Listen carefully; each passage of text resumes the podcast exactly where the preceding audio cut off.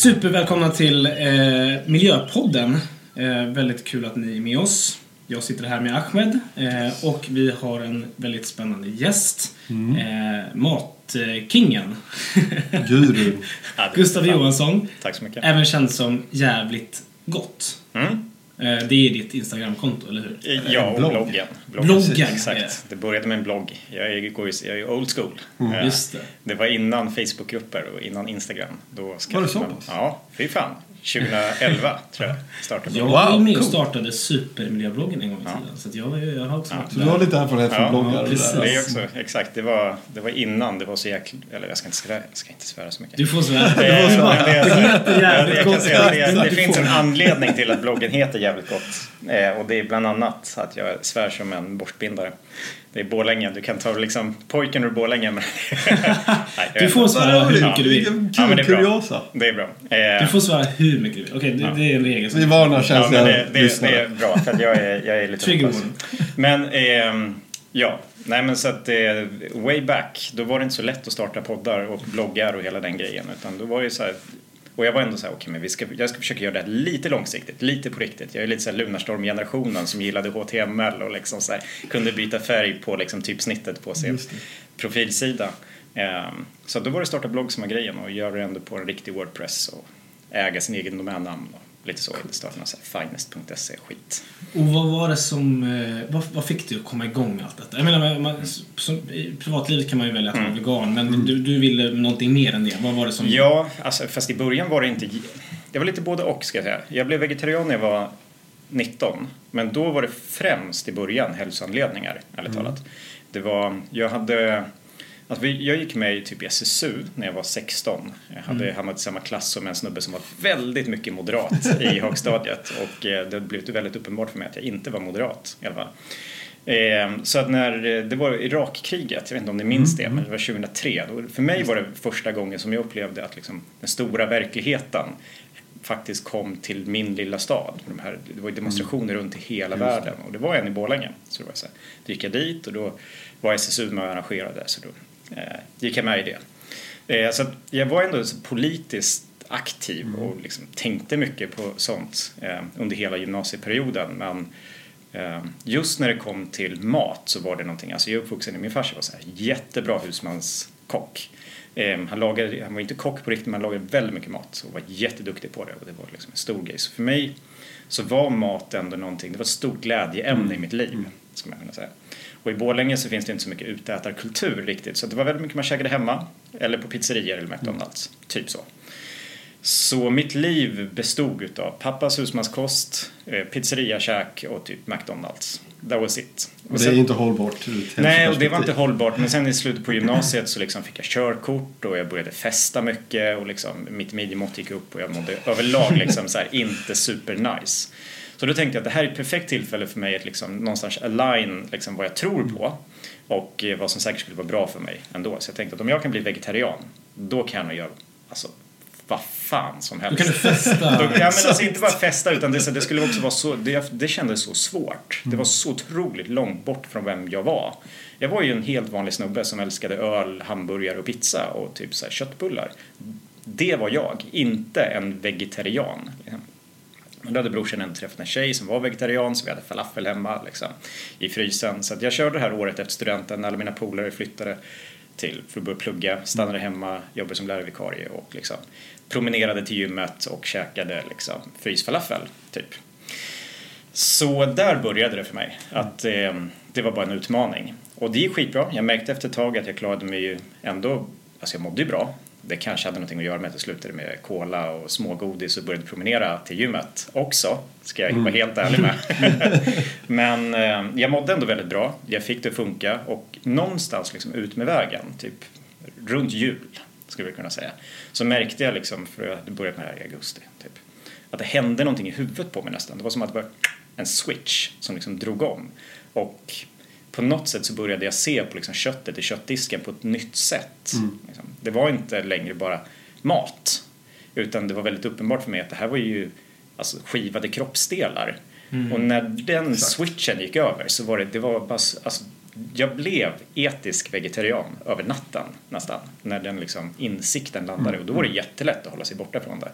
Kombinera det med att jag mådde jättebra och hela den biten.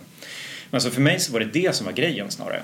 Och sen så när jag då kom ut ett år senare ur den här liksom utmaningen, hade blivit vegetarian, mådde jättebra, tyckte allting var nice. Då ställdes jag mer inför utmaningen, hur ska resten av mitt liv se ut då? Just.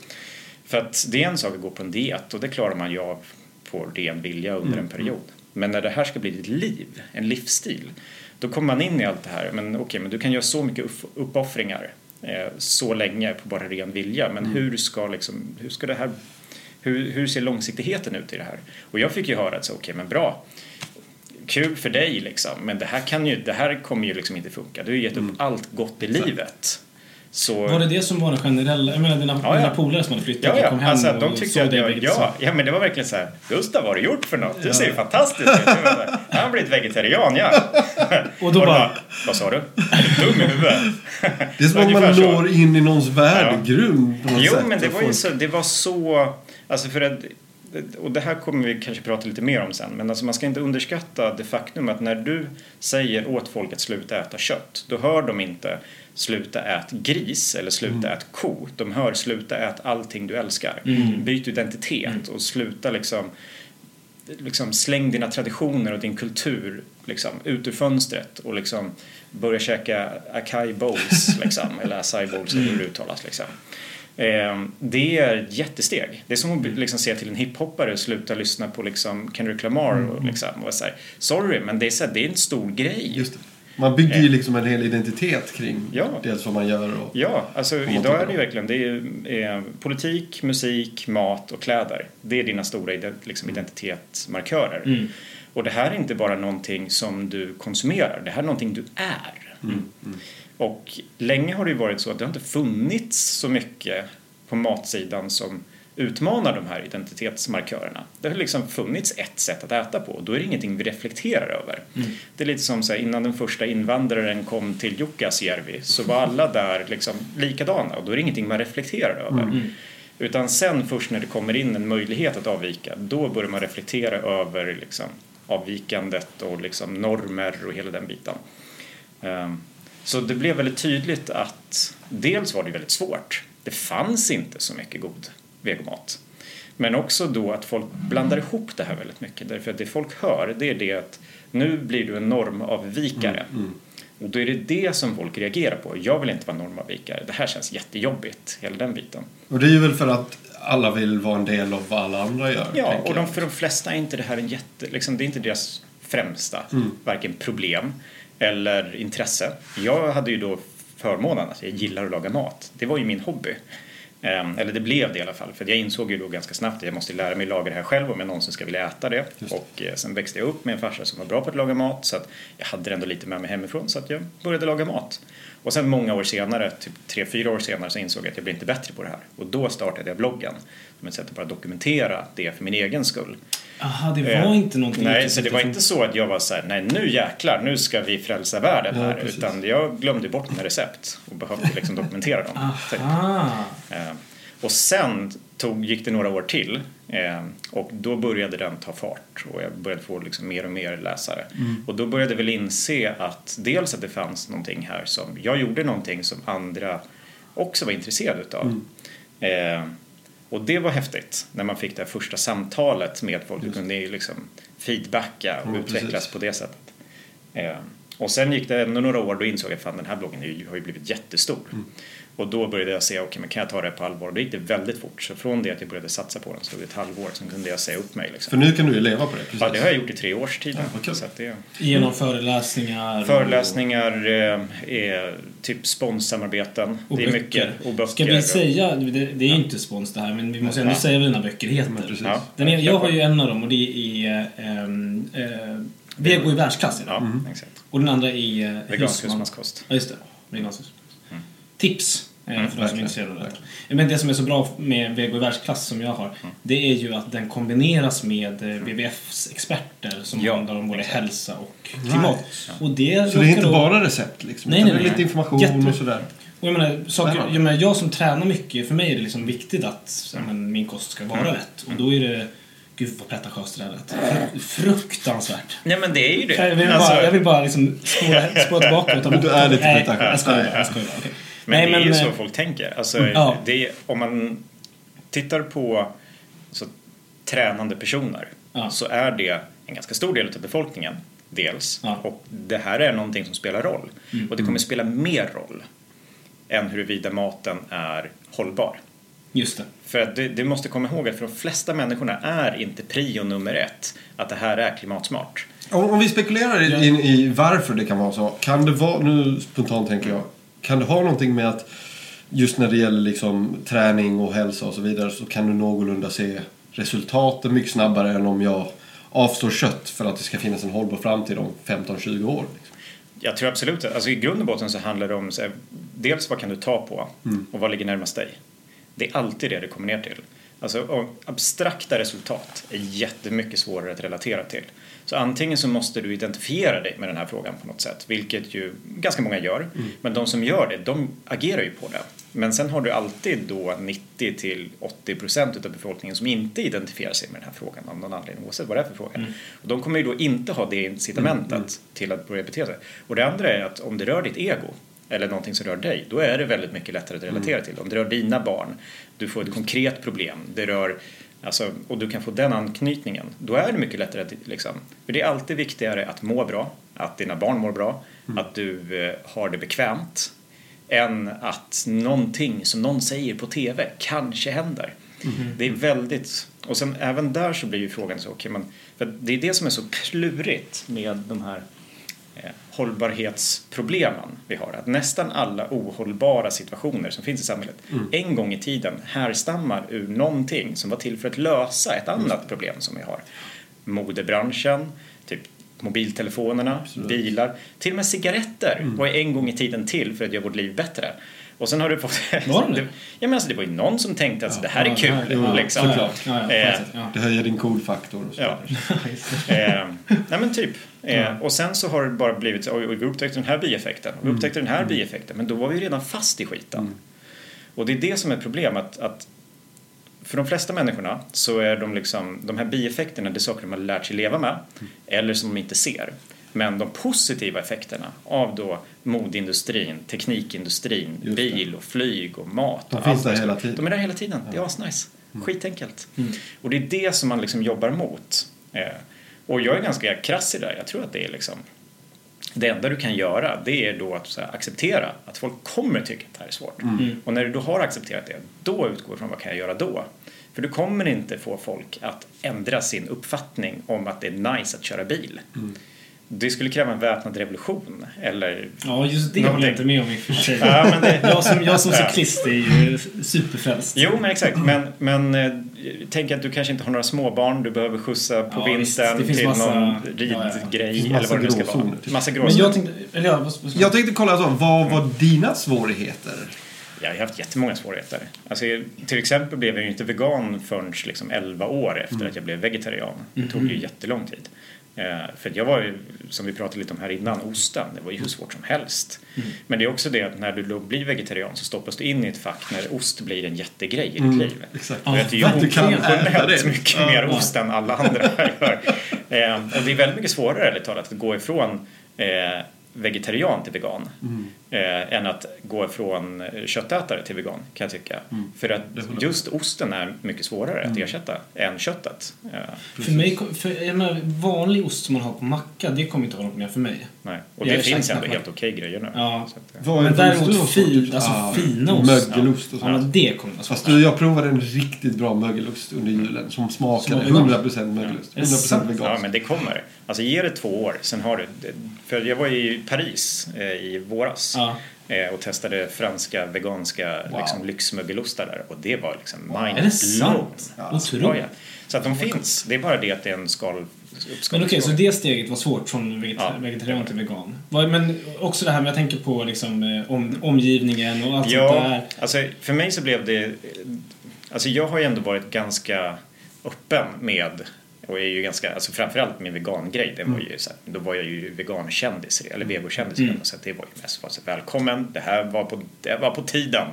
Lite så. Men innan dess så var det så här, jag umgicks ganska mycket med mycket vegetarianer Mm. och hängde i så PK-kretsar, så det var aldrig något jätteproblem för mig. Jag trodde det skulle vara ett större problem att bli vegetarian eller bli vegan. Mm. Men någonstans var det så att det du får göra lite, du får ju äga det. Liksom. Okej, Mm. men jag har tagit på mig det här så att om jag nu ska gå till svärmor och hon tycker att det är ett problem. Antingen så erbjuder, ta med mat, Mm. erbjuder komma lite tidigare och hjälpa till med maten.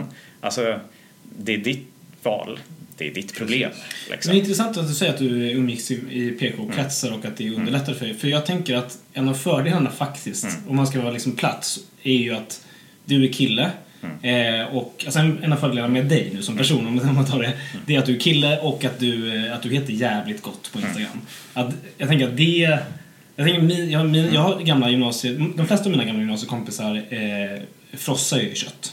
jag hoppas inte de lyssnar på det. Men sen så har jag liksom en... Min de ta. min gamla kompis som, eh, som har varit PT och grejer. Mm. Han har nu bara, nej men vad fan, nu är det dags.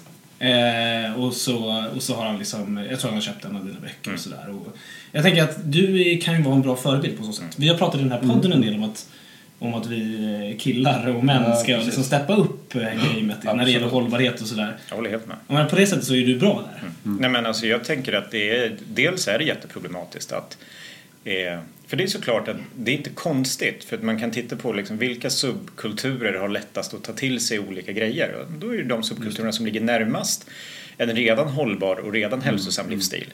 Det vill säga en typ yoga girl-grejen. Lite så här. Ja, men de, det är ju inte per se för att de vill äta, liksom, rädda klimatet. Utan de hade bara väldigt mycket lättare att ta, ta sig dit. För de var redan där, för de var hälsosamma. Mm, gillade den typen av mat och det var liksom kodat med de grejerna. Liksom.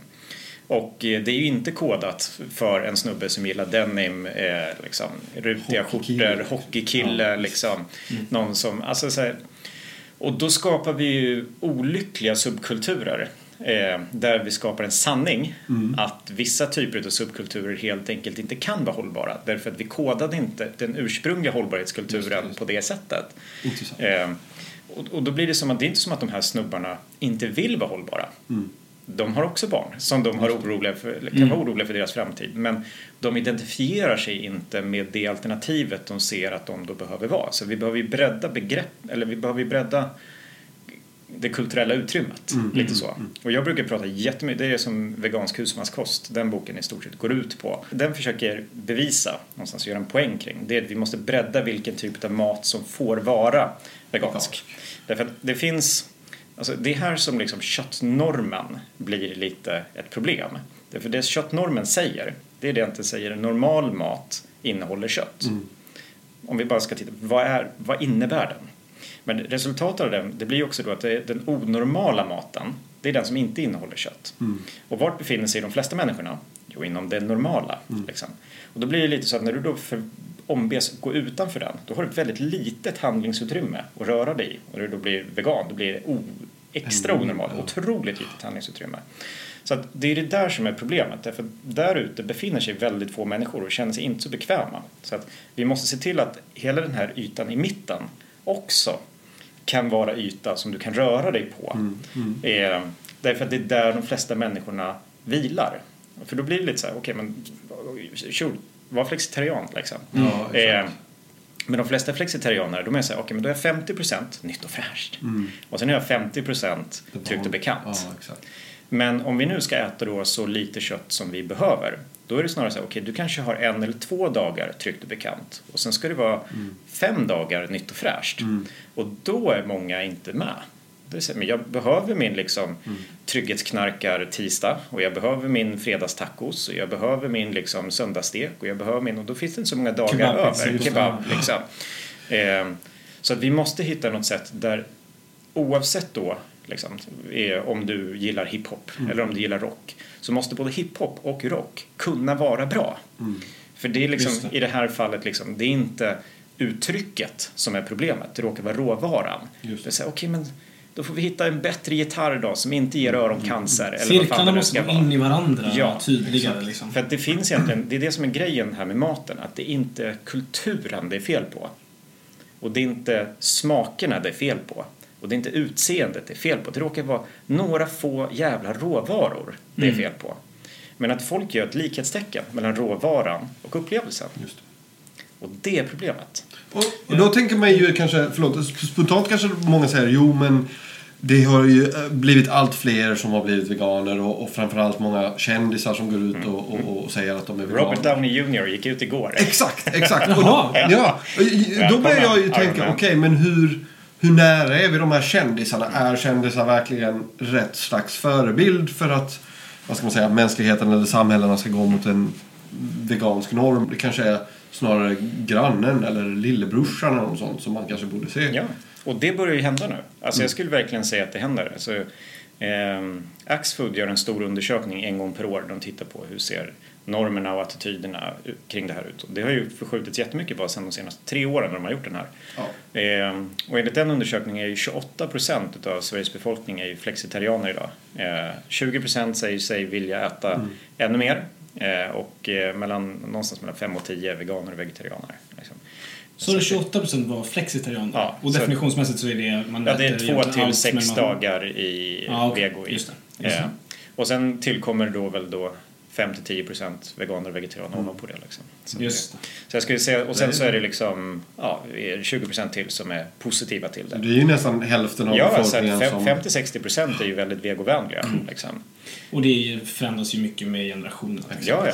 ja men både och. Alltså, jag får mycket äldre personer som till exempel kommer på mina kurser. Och, Mm. liksom, eh, och det är ju ofta då att de har något barn eller någonting som har dragit in dem. Mm. Men, eh, och framförallt när tröskeln blir lägre. När du kan käka köttbullar, då är tröskeln mindre. Mm. Liksom. Det är sant. Det. Vi ska gå in tänker jag, på två liksom, sjok och det ena är eh, hälsa och det andra är Mm. klimat eller miljö. Men jag tänker att innan dess kanske vi, vi kör de här, vi, vi har punkt, eh, liksom punktat upp fem påståenden som man ofta hör i debatten. Mm. Så tänker vi kör dem så får du eh, liksom, eh, peka ut dem som myter eller bekräfta dem. Mm. Man behöver ju köttet för att få i sig tillräckligt protein, inte minst om man tränar. Mm. Ja, det är ju båg. Eh, Det är båg. Tack och lov. Tack och lov. Annars skulle jag ha svårt. Eh, nej, om vi ska vara superdetaljerade så protein är ju inte bara en sak utan det består av 20 olika aminosyror. Och eh, nio av de här 20 kan kroppen själv inte producera. De behöver du äta. Det gör även djur. Liksom. Eh, och det är de som kallas de essentiella aminosyrorna. Och om du har med dig dem i maten då har du fullvärdigt protein. Och det är det som är liksom det man snackar om. Eh, De andra, vad blir det, 11 aminosyrorna, de får du i dig genom liksom. De kan kroppen kombinera ihop själv genom grejerna du, du käkar. Och kött, i och med att kött då är muskler som då består utav de här 20 aminosyrorna så finns alla aminosyror i muskler, i kött. Eh, Men de här aminosyrorna finns, alltså för alla levande varelser har protein i sin cellstruktur.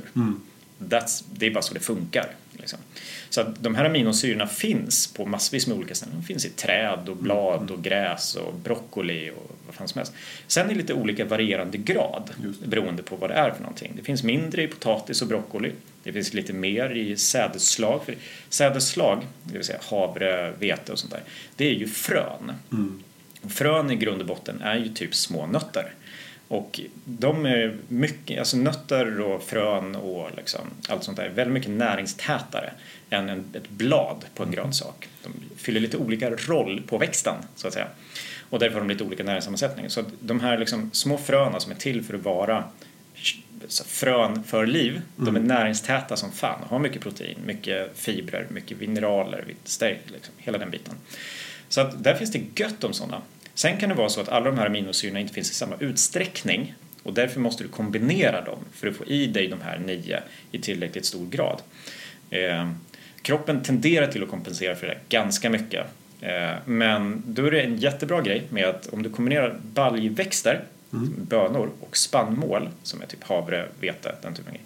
Då är de bra på typ fyra och fem olika. Så att i kombination så får du i dig det du behöver. Så att oftast är det typ spaghetti och bönor. Det är det du behöver tänka på så får du i dig fullvärdigt protein. Gött. Underbart. Faktum är att jag, jag, igår så gjorde jag din, eh, ehm, nu ska vi se här, svartkål och linssallad. Eh, sallad. Mm. Alltså vilken jävla proteinbomb. Vad är Ja, det? Nästan, det är- nästan 40-50 gram protein Ja, rakt. men det är ju linser och tofu och... Ja, det är allt, liksom, allt ja. möjligt där. Men det var bra, det var bra. Så länge det är svenskt kött så är det alltså inte farligt för klimatet.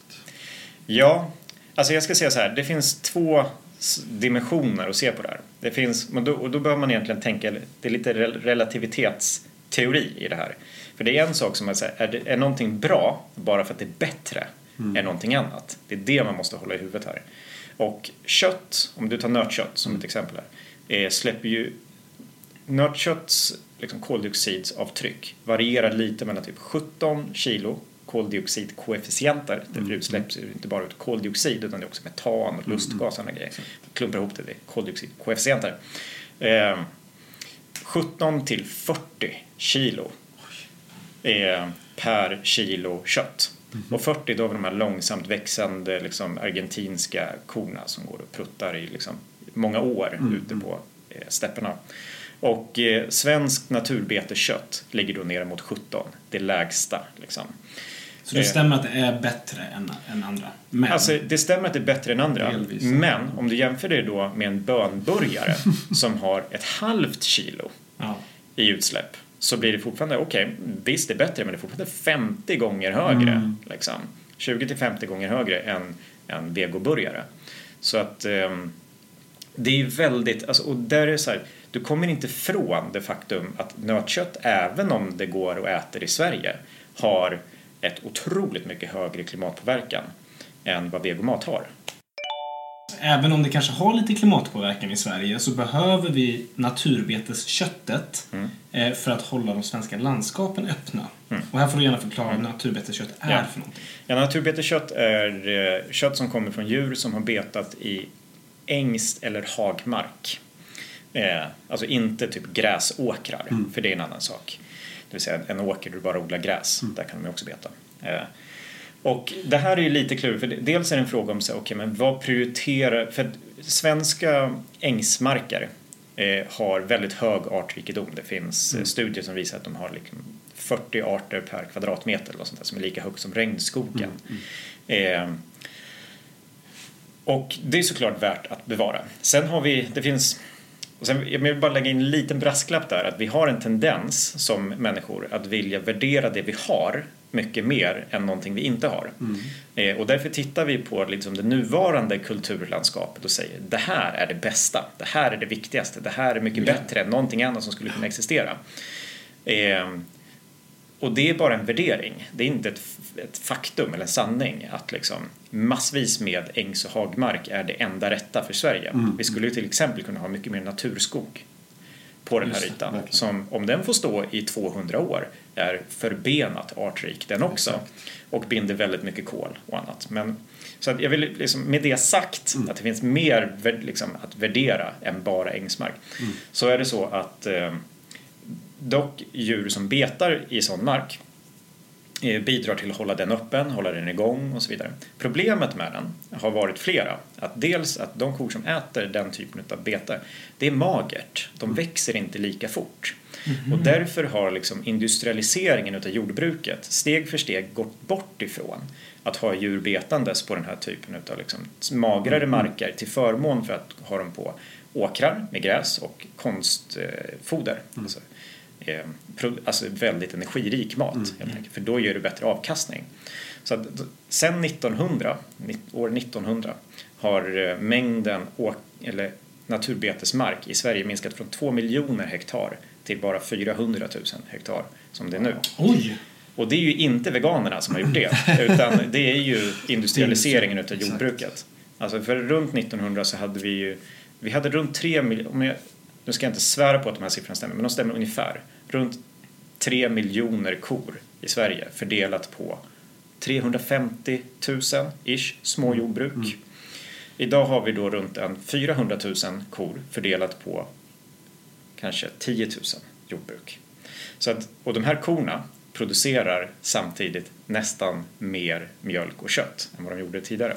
Oj, sjukt. För att, eh, ja, men alltså för att eh, vi har, du får ut så sjukt mycket mer mjölk. Eh, Och vi har effektiviserat liksom livscykelsprocessen, om man säger så, för en ko. Den lever i snitt 3 till 5 år.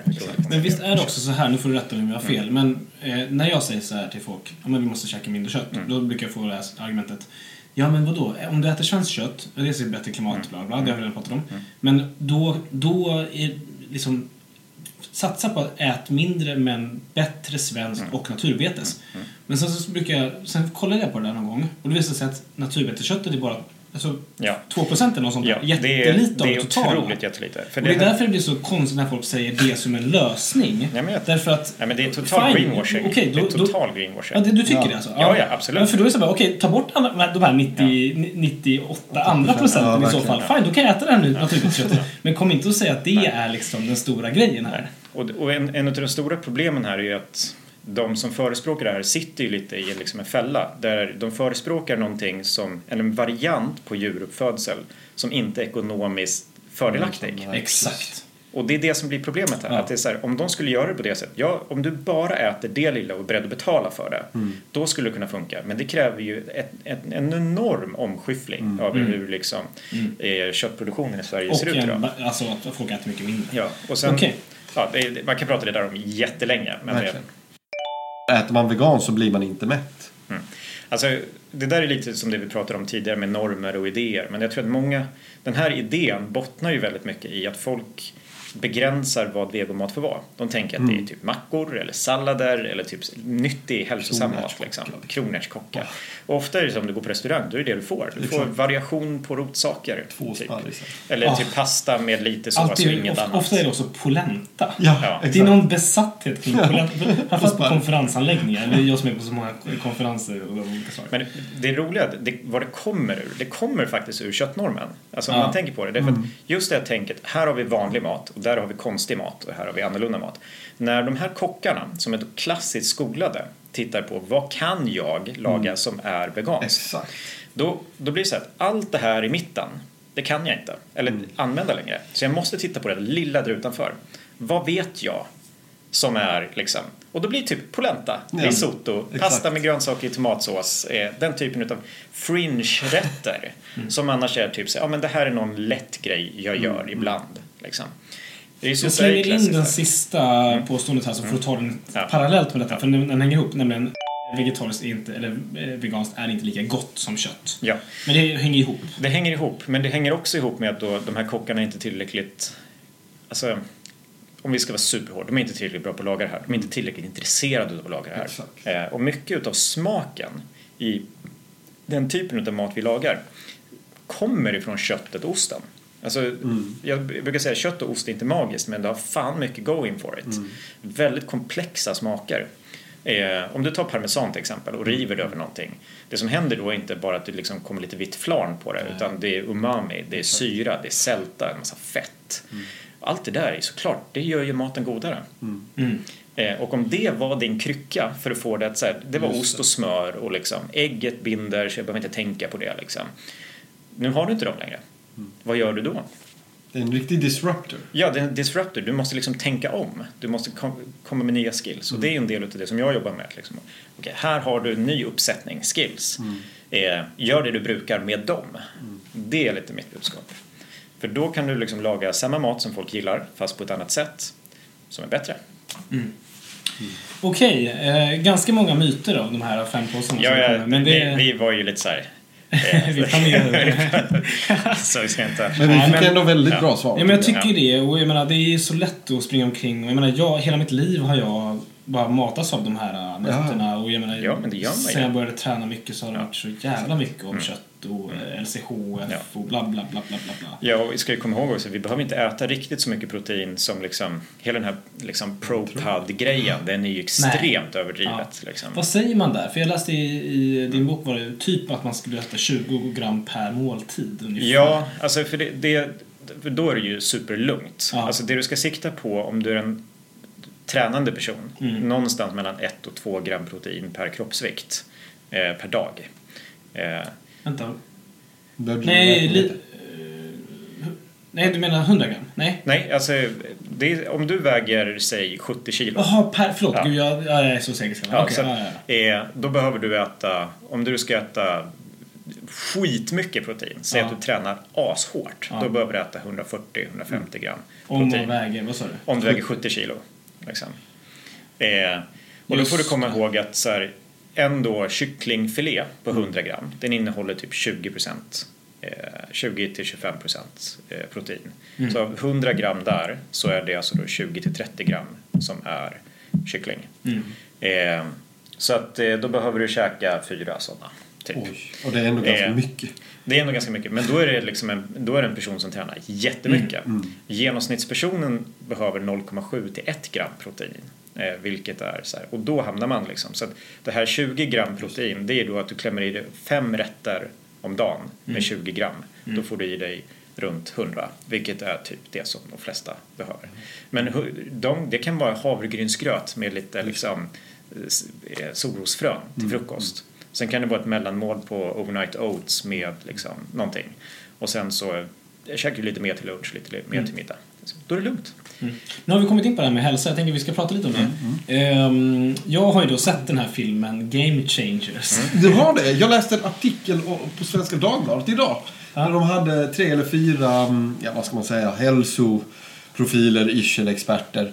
Som eh, slog hål, eller slog hål gjorde de inte, men de fick också typ så fem eller sex myter från Game Changers. och så fick de besvara det. Men jag tror, alltså det är Det väl, ganska intressant. det är väl ganska, det finns ju en hel del överdrivet i den och en del som är väldigt ovetenskapligt. Men, eftersom jag då är kille, den, har du sett den där Nej, jag har inte sett det, men alla måste har kolla, snackat om måste det. kolla. Ja, ja, Nej, men den är så- väldigt manligt kodad. Den är så jävla bra målgruppsanpassad. Ja. Så jag har nästan blivit vegan sen jag kollade på den. Och då, då ska Du jag... och många fler ska jag säga. Alltså, det är ju verkligen en... Exakt. Det är verkligen. Ja, det är en game changer. Alltså jag har aldrig varit med om en sak som har nått så brett. Ja.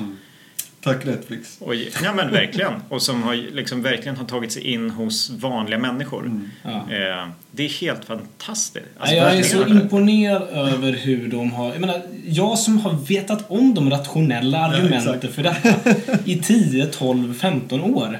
Och först nu så bara verkligen ruskas jag om i mina grundvalar. Men vad var, har, Alltså, kan jag har ju dragit några sådana här punkter ur den som du kände var extra intressanta? Eller Ja, extra men jag, det, kraftfulla? var, det var några saker. Det, det ena är ju liksom förebilderna som de bygger. Det är ju världens starkaste man som är vegan och han skriker vegan power. och sen så är det ju, eh, jag tycker det som, det som bet hårdast på just mig, nu återkommer jag till min jävla tramsiga Ja, träning, ja, men, men- men... det är just detta med att det var nya saker som jag inte hade lärt mig innan som handlade om att köttet inte bara leder till hjärt och kärlsjukdomar på sikt. För det är en så här luddig, man bara, ja. men det där händer kanske när jag är 70, bla bla bla. Trots Men- att hjärt och kärlsjukdomar dödar lika mycket som typ alla dödsorsaker annat Ja, det, sammanfattat. ja, exakt. Men det finns alltid det här känslan att det där är någon diffus framtida hot. Exakt. Men det som de går igenom i dokumentären, och det vet inte jag exakt hur vetenskapligt det är, men det är just detta med att blodkärlen krymper ju, eller blir grumliga nu.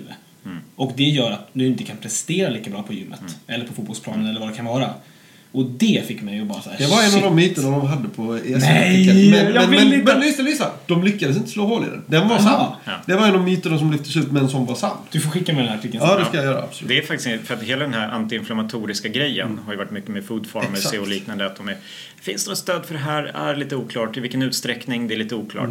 Det finns ju absolut så här pro och prebiotika i magen och hela det, men i vilken utsträckning påverkar det en? Och liksom blodfetter, det är svårt. Det där är ju sånt som, är, som privatperson är sjukt svårt att veta. Och det är väl det som är svårt med hälsa överlag, att det finns så många studier som Ja. pekar åt så många olika håll. Eh, och det tar 5 till 10 år innan Livsmedelsverket har sållat igenom de här och landat i att okej, det här känns som en riktning som känns rimlig. Men även där, om man tittar på vad Livsmedelsverket säger idag, så säger de ju att den enda egentligen inriktningen som det finns någon form av övergripande stöd för, det är den så kallade gamla medelhavsdieten som går ut på mycket fullkorn, mycket grönsaker, mycket eh, fleromättade oljor, eh, lite kött och fisk, eh, mer fisk eh, om man nu ska äta någonting sånt. Eh, Och Nötter antar jag. och nötter, liksom. Hela, vad är omättade oljor? Vad är Ja, men, eh, det är på rent kemikalisk bas är det typ så här hur de här fettsyrorna är sammanbildade. Ja. Men man skulle kunna säga typ Eh, transfetter, animaliska fetter och typ palmolja och kokosfett eh, mättat. Eh, och det liksom sätter sig i blodet på ett annat sätt. Eh, fleromättat och enkelomättat, det är mer typ så här rapsolja, olivolja, Mm. olika typer av nötoljor, den typen av grejer. Som är då bättre för blodet. Och sen finns det eh, de här omega-3 fettsyrorna som finns i feta fiskar och alger. Och det är så mycket att hålla Ja, reda det är ju på. Men Ja, det man behöver liksom, tänk, komma ihåg egentligen, det är det att så här, det som den samlade forskningen tydligt säger, det är det att så här, mycket grönsaker, mycket fullkorn, det är bra för dig. Mm. Eh, lite kött kan vara okej. Alltså, det, det, hela den här game changers grejen med kött är gift. Det finns inte så jäkla mycket liksom, tydlig forskning som pekar på att kött är gift. Däremot finns det inte så mycket forskning som pekar på att du behöver en massa kött. Nej. Exakt. Och det, liksom, det, det, det, för mig det räcker. Och, det var ju också slutsatsen när vi skrev den här boken, Vego i världsklass, som är ett, kommer från ett projekt som ett samarbete mellan Världsnaturfonden och Svenska Olympiska Kommittén. Där de tittar på, går det att träna hårt på en hållbar diet? Så det Svenska Olympiska Kommitténs chefsdietist eh, slår fast i den boken. Och hon är ändå den som då skräddarsyr dietplanerna till olympierna i OS. Mm. Det här är liksom en, det här är ingen... Är Hon kan sin grej. Ja, liksom. Hon är väldigt så här, Poängen i boken är att du presterar lika bra på växtbaserad mat Mm. som på kött. Men vi pratar så mycket om individuella eh, val här. Jag tänker på att det här med hälsa är ju faktiskt också en samhällsgrej. Mm. Jag tänker på, jag kollade på någon dokumentär eh, eller någon föreläsning om just hur, vad som händer i USA. Alltså folk dör ju som flugor i princip för att de Mm. eh, äter ihjäl sig. Eh, men, men, men även vi i Sverige äter ju inte hälsosamt. Nej. Jag menar, det där borde ju ändå finnas skäl. Och, och, och Mm. Här blir det ju så svårt då. Därför att så fort man ger sig in på den arenan då kommer man med pekpinnar som politiker, bla bla bla. Ska du gå in och peta i min tallrik? Ge fan i det. Alltså du vet, liksom, i alla politiska partier Mm. så är det här liksom en no-go-zon. Ja. där där man, man nämner inte mat i princip. Nej. Så jag vet inte, vad, vad är din tanke kring just den där kopplingen till folkhälsa Ja. på en samhällsnivå? Jag tycker den är jätteviktig. Ja. Alltså, sen är det precis som du säger, och precis, av precis den anledningen som vi har pratat om, liksom, att mat är kultur och identitet. Mm, Alltså, Stefan Löfven käkar korv i sin eh, liksom, eh, valfilm. Ja. Och det är för att korv är trygghet. Liksom. That's why. Då är det såklart att det är svårt att bråka med korven. Och då när du som politiker bråkar med tallriken så bråkar du med kultur och identitet. Det är inte svårare än så, det är därför det är så jävla svårt att prata om. Men nu när folkhälsa dessutom så väldigt starkt är kopplat till klimat och hållbarhet kan jag tycka att så här, vad har vi en offentlig sektor till och välfärd om inte att så här, vi ska ha gemensamma, och nu må jag låta lite sossig, jag ska säga så här, jag gick ur partiet och SSU för många, många år sedan och ser mig själv som ytterst partipolitiskt obunden i det jag gör Du idag. får låta. Kör. Ja, men jag tycker i just det här eh, så finns det en otroligt viktig poäng. Att eh, se att vi har gemensamma resurser som vi på något sätt ändå ska förbruka. Du kommer bränna dem åt det hållet eller bränna dem åt det hållet. Så varför inte använda dem där vi kan fatta hållbara beslut och göra det? För om du tittar på hur många hushåll finns det i Sverige? Säg att det finns tre miljoner, tre och en halv, något sånt där. Det bor må- många människor i de flesta familjerna. Liksom. Det är tre och en halv miljoner enskilda beslut för att få de här människorna att äta bättre varje tisdagskväll. Men om vi tittar på hur många offentliga måltider serveras varje dag. Det är sju jäkla många offentliga måltider. Och hur många beslut handlar det om?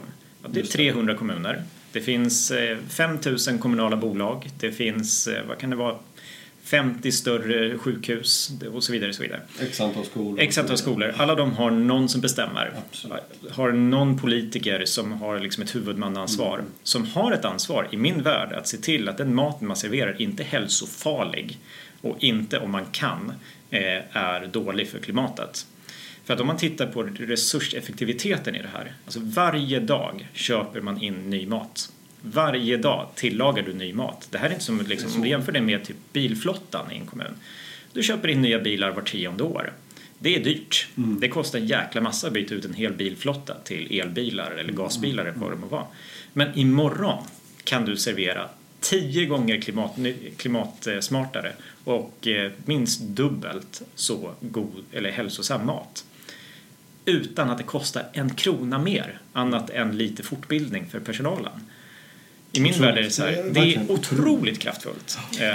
Bra, bra, eh, bra take på det, att det borde vara i de offentliga köken. Framförallt att gå före. Ja, så kan man för liksom... där kan man göra det. Eh, sen är det såklart, konsumenterna kommer ju efterfråga, när de vänjer sig med en viss standard så kommer de efterfråga på restauranger och så vidare. Mm.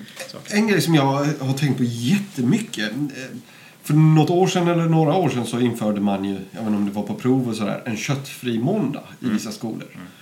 Och så blev det massa rabalder och jag minns att Moderata ungdomsförbundet i Malmö ställde sig utanför en skola och delade ut hamburgare, kötthamburgare då. Men är det inte så att det nästan alltid funnits någon dag i veckan där det inte har serverats kött? Ja. Jag minns ju själv. Soppdagen. Ja. Alltså det är ju broccolisoppa. Det är dyrt med kött. Får man ju På min skola hade vi köttdagen. Alla var väggdagar förutom en. Då den kött. ja det var intressant. Ja, Men, men jag ja. menar att så fort man börjar liksom... ofta fisk. Men så fort man liksom börjar labla någonting som att ah, nu är den här dagen köttfri. Ja. Då blir det liksom provokationer och folk... Absolut. Nej, men det är för att det handlar om... Det är, är, jag håller på att skriva en webbkurs just nu Mm. för proffskockar. Jag satt precis innan vi kom hit och skrev just det kapitlet om det. Vilka ord ska man använda när man kommunicerar exakt. vegomat mot eh, sina gäster? Eh, och det kommer ju dels av hela den här tradition norm-grejen. Därför att då blir ordet vegan, det blir annorlunda. Mm. Eh, bara det ordet för folk associeras med konstig, offensiv, Hippie. aggressiv, hippie, liksom hela den biten. Och även om så att folk har lättare med den veganska maten att äta den än med idén om veganism och när du då lägger ordet vegansk på någonting då blir det som att det blir ett mycket starkare val än om det bara är ett marockansk kikärtsgryta. Vilket är liksom ett ganska odramatiskt val. Eh, så att det finns absolut liksom hela den dimensionen. Alltså vad, vad, vad laddar du? Och just då köttfri. Det, är en sån, alltså det blir typiskt anti-nudging-tänk. Alltså allting handlar ju om så hur gör du någonting attraktivt och tillgängligt? Att då säga och det finns jätte... eh, Jag kan, vi kan, eh, jag kan ge er länken som ni länkar ner i botten på det här. Otroligt Absolut. intressant studie från World Resource Institute, något så stort. Eh, som har gjort en jätteundersökning på vilka ord triggar på vilka sätt när man serverar den här typen av mat. Sjukt intressant. Eh, och då kunde de se att eh, orden som vegan och vegetarian, som liksom, det, det, bara, det stöter Trigger. bort folk. Det, Ja, det, det funkar inte alls. Nej, så det, det finns jättemycket kring det där. Så att, eh, jo, och då just köttfri. Det får reaktionen utav att det är ju kött, det är det folk gillar. Mm. Så nu blir det så här tråkmat. Blir lite så. Det är som fettfri. Det är så här, alltså du kanske vet att det är bra för dig, men det är inte kul. Liksom.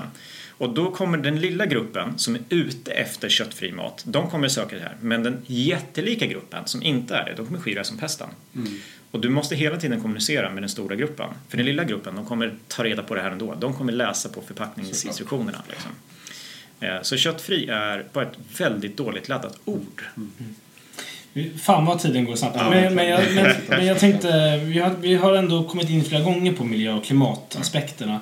Bara, vi tänker att vi rundar av med dem, med dem eh, gärna också utifrån mm. samhällsperspektiv. Du har ju rabblat där med 17 till 40 kilo.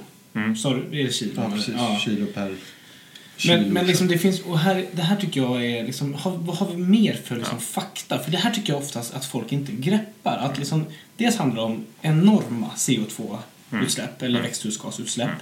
Sen handlar det ju om vattenåtgång. Det handlar om jag menar, markåtgång. Och alla de här aspekterna. Eh, Jag tänker, jag, jag lyssnade på, det kanske jag har nämnt tidigare i den här podden, men jag lyssnade på Stormens utveckling när Fredrik Malm var som gäst. Och då beskrev han att ja, men i framtiden kommer vi behöva gå mot negativa utsläpp. Då kommer vi behöva odlingsmark för att odla biogrödor på något sätt. Eh, ta upp dem, elda upp dem och fånga in, dem och, eh, fånga in koldioxiden och pumpa ner i marken. För att annars kommer vi inte klara av klimatkrisen. Vi kommer liksom behöva göra det. Och vad är det som idag tar den marken i anspråk? Jo, det är kött. Ja, det är kött.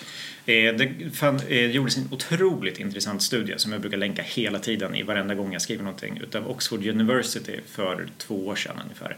Där de aggregerade data från 15 000 jordbruk runt om i världen för att titta på vad gör de och vart tar det vägen ungefär. Och det de kunde se då var att 83 tror jag det var, procent av världens all jordbruksmark används för animalier.